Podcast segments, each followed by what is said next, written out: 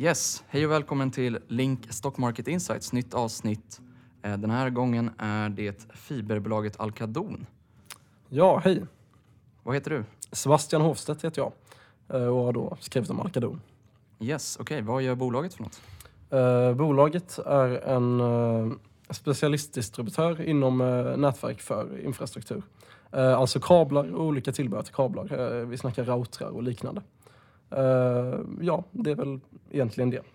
De säljer mycket via, direkt via lager till sina kunder eh, där då eh, kunderna kommer och hämtar. Okej. ehm, ja, hur ser bolagets affärsmodell ut då? Förutom att eh, kunderna kommer och hämtar. Ja, som sagt. Hur tjänar de pengar? De tjänar väl pengar egentligen genom att man går in på deras hemsida om man är en ja, elektriker till exempel. Mm. Och så beställer man de varorna man har tänkt att ha och åker upp och hämtar dem. Och eh, så kan eh, Alcadon då specialisera sig ut efter kundens behov ifall det skulle behövas. Okej, intressant. Ehm, ja, då är ju nästa fråga, hur ser bolagets marknad ut? Eh, Man kan väl egentligen säga att bolaget verkar inom ett antal eh, marknader där de främsta är eh, fibermarknaden och eh, 5G-marknaden som är på väg att ta fart. Eh, Fibermarknaden utgår väl egentligen från regeringens mål om att eh, 95 procent av alla hushåll ska ha tillgång till fiber eh, runt 2020. Eh, Och då för att detta ska uppnås så krävs en marknadstillväxt eh, om eh, 11,7 procent. Right. Och i fibermarknaden så den internationella estimeras växa 50,9 procent kager mellan 2020 och 2026. Och Post och telestyrelsen i Sverige bedömer att Sverige är ett av de bäst positioner- positionerade länderna i utvecklingen mot 5G. All right. Kan du bara kort förklara, vad, vad är 5G för något? 5G är nästa uppgradering av mobilt internet. Där den största fördelen är att man kommer mest troligt kunna koppla upp eh, långt många fler eh, ja, apparater och liknande än vad, än vad man gör idag i sina hushåll. Eh, när man talar om Internet of Things och liknande så, så talar man ofta om att ja, man ska kunna koppla upp allt från kylskåp till många datorer samtidigt och så vidare. och så vidare. Man ska kunna ha mycket uppkopplat. Och det är väl egentligen vad 5G tillåter. Mm. Att man kan ha mycket uppkopplat samtidigt på hög hastighet, något som eh, 4G inte riktigt klarar av i dagsläget. Okej, v- vad tycker du är mest intressant då med 5G? Ja, men jag tycker, spontant så känns 5G väldigt rätt i tiden då vi går mot en utveckling där ja, i stort sett allt man har i hemmet ska kunna vara uppkopplat. Och då är det ju väldigt viktigt att det är möjligt. Och som det ser ut idag så är det inte det och det är väl det som är mest spännande med 5G, att vi rör oss i den riktningen. Okej, ehm, ja, Alcadon håller ju på med fiber och eh, 5G, men eh, hur ser en typisk produkt ut för bolaget? Vad säljer bolaget för något? Eh, ja, precis. Bolaget säljer en rad av olika kablar och de har två egna märken, eller produktserier då. Eh, det ena är eh, ECS, European Cabling, System, som är ett kabelsystem för infrastruktur i fastigheter och industriområden. Alltså vi snackar stora byggnader som kräver enorma mängder eh, nätverk. Mm. Det är ett av deras märken. Och, sen har de även DC Line eh, som används för mindre bostadsprojekt. Och DC Line är hyfsat nytt eh, men också liksom på uppgång. Och dessa två egna produktserierna utgör i dagsläget 26 procent av omsättningen. Eh, under Q2 2017 var det så i alla fall. Eh, och Du tycker att det är mycket då eller? Ja, alltså både ja och nej. För bolaget nämner själva att det är ungefär den nivån de vill ligga på. Och det kan ju verka som en bortförklaring av bolaget. Men de lyfter fram då att de vill bibehålla sina goda relationer med agenturer för övriga sortimentet för att kunna ja, köpa in stora volymer och så sätt pressa priset. Okej. Eh, så jag tror det är ungefär, jag tror det är en bra nivå om man säger så. Mm. Eh, det, det, vi kanske kommer in på det du nämnde nyss, men vad ser du för konkurrensfördelar hos det Alcadon erbjuder jämfört med konkurrenter? Mm. Eh, Alcadon har egentligen två typer av konkurrenter. Det ena är olika fiberbolag eh, och det andra är stora grossister såsom noterade Ahlsell bland annat, eh, men även onoterade Electroscandia. Och eh, det som är fördelen jämfört med grossisterna är att de kan vara mycket mer eh, specifika och eh, mer kundinriktade på ett helt annat sätt än vad Ahlsell kan. Och när det gäller fiber, eh, om man kollar på konkurrenterna inom fibermarknaden så eh, så är inte Alcadon lika nischade. Så de är inte riktigt lika exponerade mot riskerna i fibermarknaden på samma sätt som kanske Hexatronic eller Bredband2 är. Intressant. Um, vi kan ju, du, har ju talat lite innan det här om just risker i caset. Mm. Eh, vi kan börja. Vad, vad, ser du för risker i Alcadon? Bolaget har ett flertal risker. Eh, om man ser prispress skulle jag nog lyfta fram som en av de största. Då prispress är väldigt, eh, det, det, det, det är något som kännetecknar marknaden eh, när det gäller kablar och liknande. Idag finns det otroligt många billigare alternativ till Alcadon eh, via diverse internethemsidor. Mm. Eh, vad som utmärker Alcadon är att många av deras kunder, speciellt de stora, har, har använt sig av Alcadon i ja, 10 till 20 år.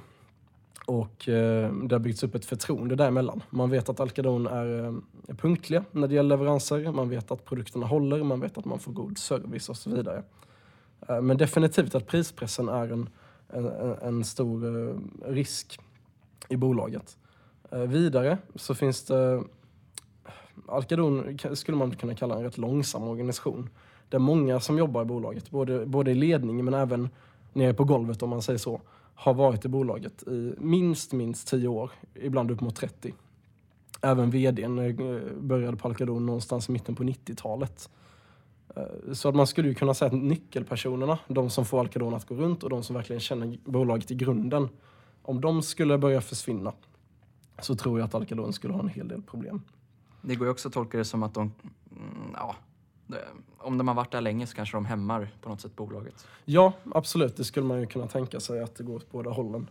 Ehm, spontant så tänker jag att eh, de, de är viktiga för bolaget. Men det, det får man, ju så, man får utvärdera enskilda medarbetare och liknande. Och Mm. finna vem som gör ett bra jobb och ett mer jobb. Det, det säger ju lite sig själv. Sen har bolaget en hel del balansrisk. Eh, risker i balansräkningen. Där eh, 56 procent av goodwill i Q3, eller av tillgångarna i Q3 2017 utgörs av goodwill. Och eh, detta är då främst två förvärv under 2017, eh, Svagströms materiell och Data Connect. Och skulle dessa bolag, förvärven inte leva upp till eh, förväntningarna, eh, marknadens förväntningar och det skulle krävas eh, nedskrivningar så skulle det, ja, det skulle bli problematiskt. Så balansräkningen, där finns en hel del problem.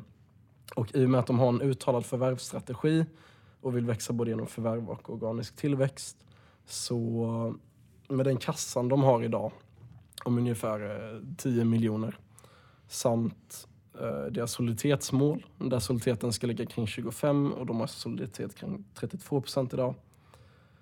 Det, det, det skapar risker helt enkelt i, i, det, i det finansiella. Mm. Eh, Jag tror att på i alla fall kort sikt så blir det svårt för bolaget att förvärva utifrån, eh, Sett till balansräkningen. ja sett till balansräkningen, utifrån soliditeten och kassan helt enkelt. Samtidigt så planerar de även på att börja dela ut, eh, vilket inte skulle stärka ja, kassan då, såklart.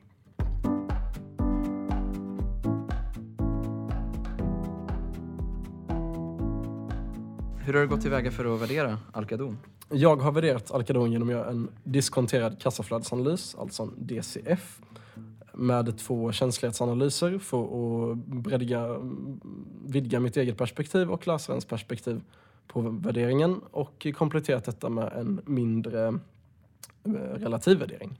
Okej, ehm, vi kan ju börja med den kanske viktigaste frågan och det är ju topline här med, med tanke på marknaden och sådär. Eh, vad, vad ser du för tillväxtmöjligheter framöver för Mm. bolaget? Eh, under det jag valt att benämna som forecast period mellan 2017 och 2019 så har jag estimerat att bolaget kommer växa 45 procent. Denna siffran är hyfsat hög skulle man kunna tänka sig och drivs främst av eh, förvärven av Data Connect- och Svagströms materiell som genomfördes under 2017.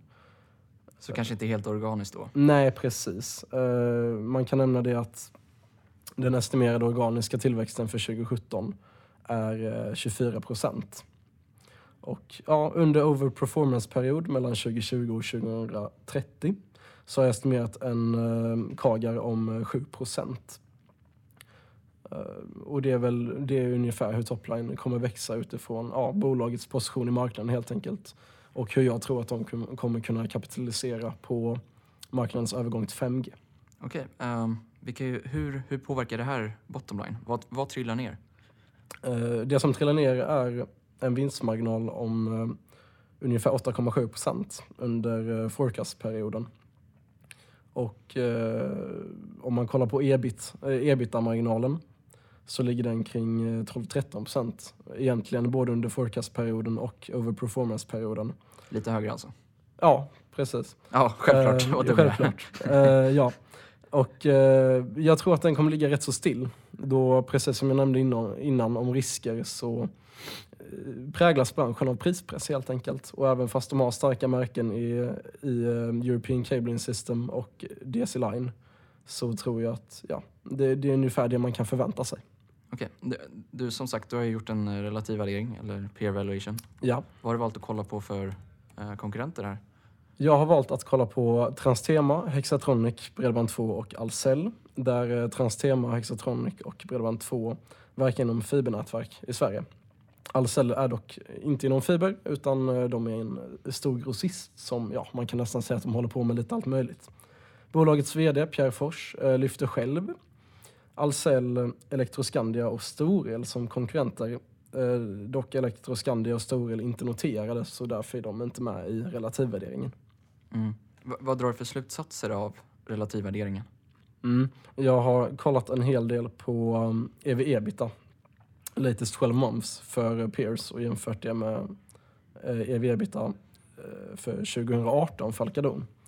Eh, och utifrån detta måttet så har jag dragit slutsatsen att bolaget under, undervärderat och har en potentiell uppsida om ungefär 62 procent baserat på taget multipeln 14,1 gånger. Okej. Eh, så det är väl egentligen vad man kan dra för slutsats från peer-värderingen. Du har ju även gjort eh, två känslighetsanalyser om vi ska gå över till eh, DCFen här. Mm. Varför känner du att du har behövt göra känslighetsanalyser? Grejen med en DCF är ju att små ändringar i olika variabler kan ge väldigt stora effekter på indikativt aktiepris. Eh, Och då har jag valt att genomföra en känslighetsanalys där jag kollar på eh, VACen, alltså priset på kapitalet och, eh, och kollar på topline growth. Mm. Eh, Och där ser man väl att framförallt VACen påverkar väldigt mycket det indikativa aktiepriset. Så ifall eh, bolaget skulle behöva värdera om sina skulder eller liknande så skulle, ja, då skulle man behöva sänka prognosen Mm. för det indikativa aktiepriset. Och den här känslighetsanalysen valde jag att kolla på ebit-marginal och eh, topline growth. Eh, och det man kan säga är att ja, självklart skulle aktiepriset gynnas av en högre ebit-marginal ifall det skulle vara eh, ifall det skulle gå upp nå helt enkelt. Men som sagt, eh, enligt min bedömning så, så bör den ligga runt 12-13 procent. Vad, vad är slutsatsen i DCFen då? Är det samma uppsida där eller? Nej, DCFen eh, ger en uppsida på, en indikativ uppsida på 40 procent. Okej. På, det, på det jag har räknat. Så ja, som sagt, peer-värderingen ger 62 procent och eh, DCFen ger 40 procent.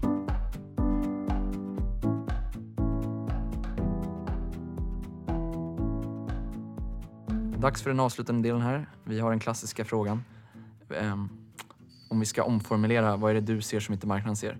Vad är det du har noterat i Alcadon som du tror eh, marknaden kanske inte uppmärksammar tillräckligt? Om vi börjar i andra ändan så tror jag att marknaden uppmärksammar att det är avtagande fiberinvesteringar i Sverige. Att vi rör oss i hyfsat rask takt mot eh, regeringens eh, mål. Att 95 procent av alla hushåll ska ha fiber eh, 2020.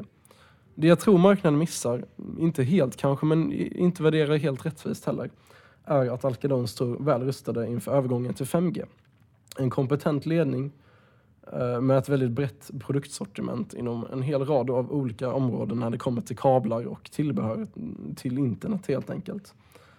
Eh, det, är väl det marknaden missar helt, enkelt. Eh, bolagets position mot 5G. Okej, ehm, vi kan ju, har i min mening kanske inte alltid känts som det mest sexiga bolaget. Uh, på något sätt så undrar jag om du kanske förstår det här. Va, vad tycker du är minst spännande? med det Ja, jo, det kan jag väl hålla med om att eh, om man, om man börjar väldigt enkelt så håller ju bolaget på med kablar. Och kablar kanske inte är det man tänker som framtiden. Man tänker mycket med eh, AI och Internet of Things och hela den här delen så, så då kan ju detta absolut framstå som rätt trött. Och sen, ja, många av medarbetarna har varit där under en väldigt lång tid. På gott och ont. Vdn har suttit sen, nu kommer jag inte ihåg exakt årtal, men jag tror det är runt 2001-2003, något sånt. Mm. Så Men han gör ett bra jobb. jag, ty- jag tycker han gör ett bra jobb. Jag tycker han har väldigt bra koll på bolaget och de uppnår en hög organisk tillväxt och de förvärvar eh, rimligt. Eh, så jag, jag, det, det kanske ser ut som ett trött bolag på utsidan men, men det betod, betyder ju inte att eh, de inte skulle ja, hålla på med spännande saker om man säger så. Nej, det var ju 24% organisk tillväxt också. Precis, precis. Okej, avslutningsvis då. Eh, vad är hisspitchen på Alcadon? Ja. Om man ska dra det kortfattat så är Alcadon ett eh, bolag som har eh, gedigen erfarenhet av tidigare teknikskiften i branschen. Och de väntas hantera fiber, avtrappningen av fiberinvesteringar och övergången till 5G väl. Och ledningen är kompetent, där vi bland annat har styrelseordförande Jonas Mårtensson som eh, har eh, 16 år erfarenhet av eh, förvärv på investmentbanker.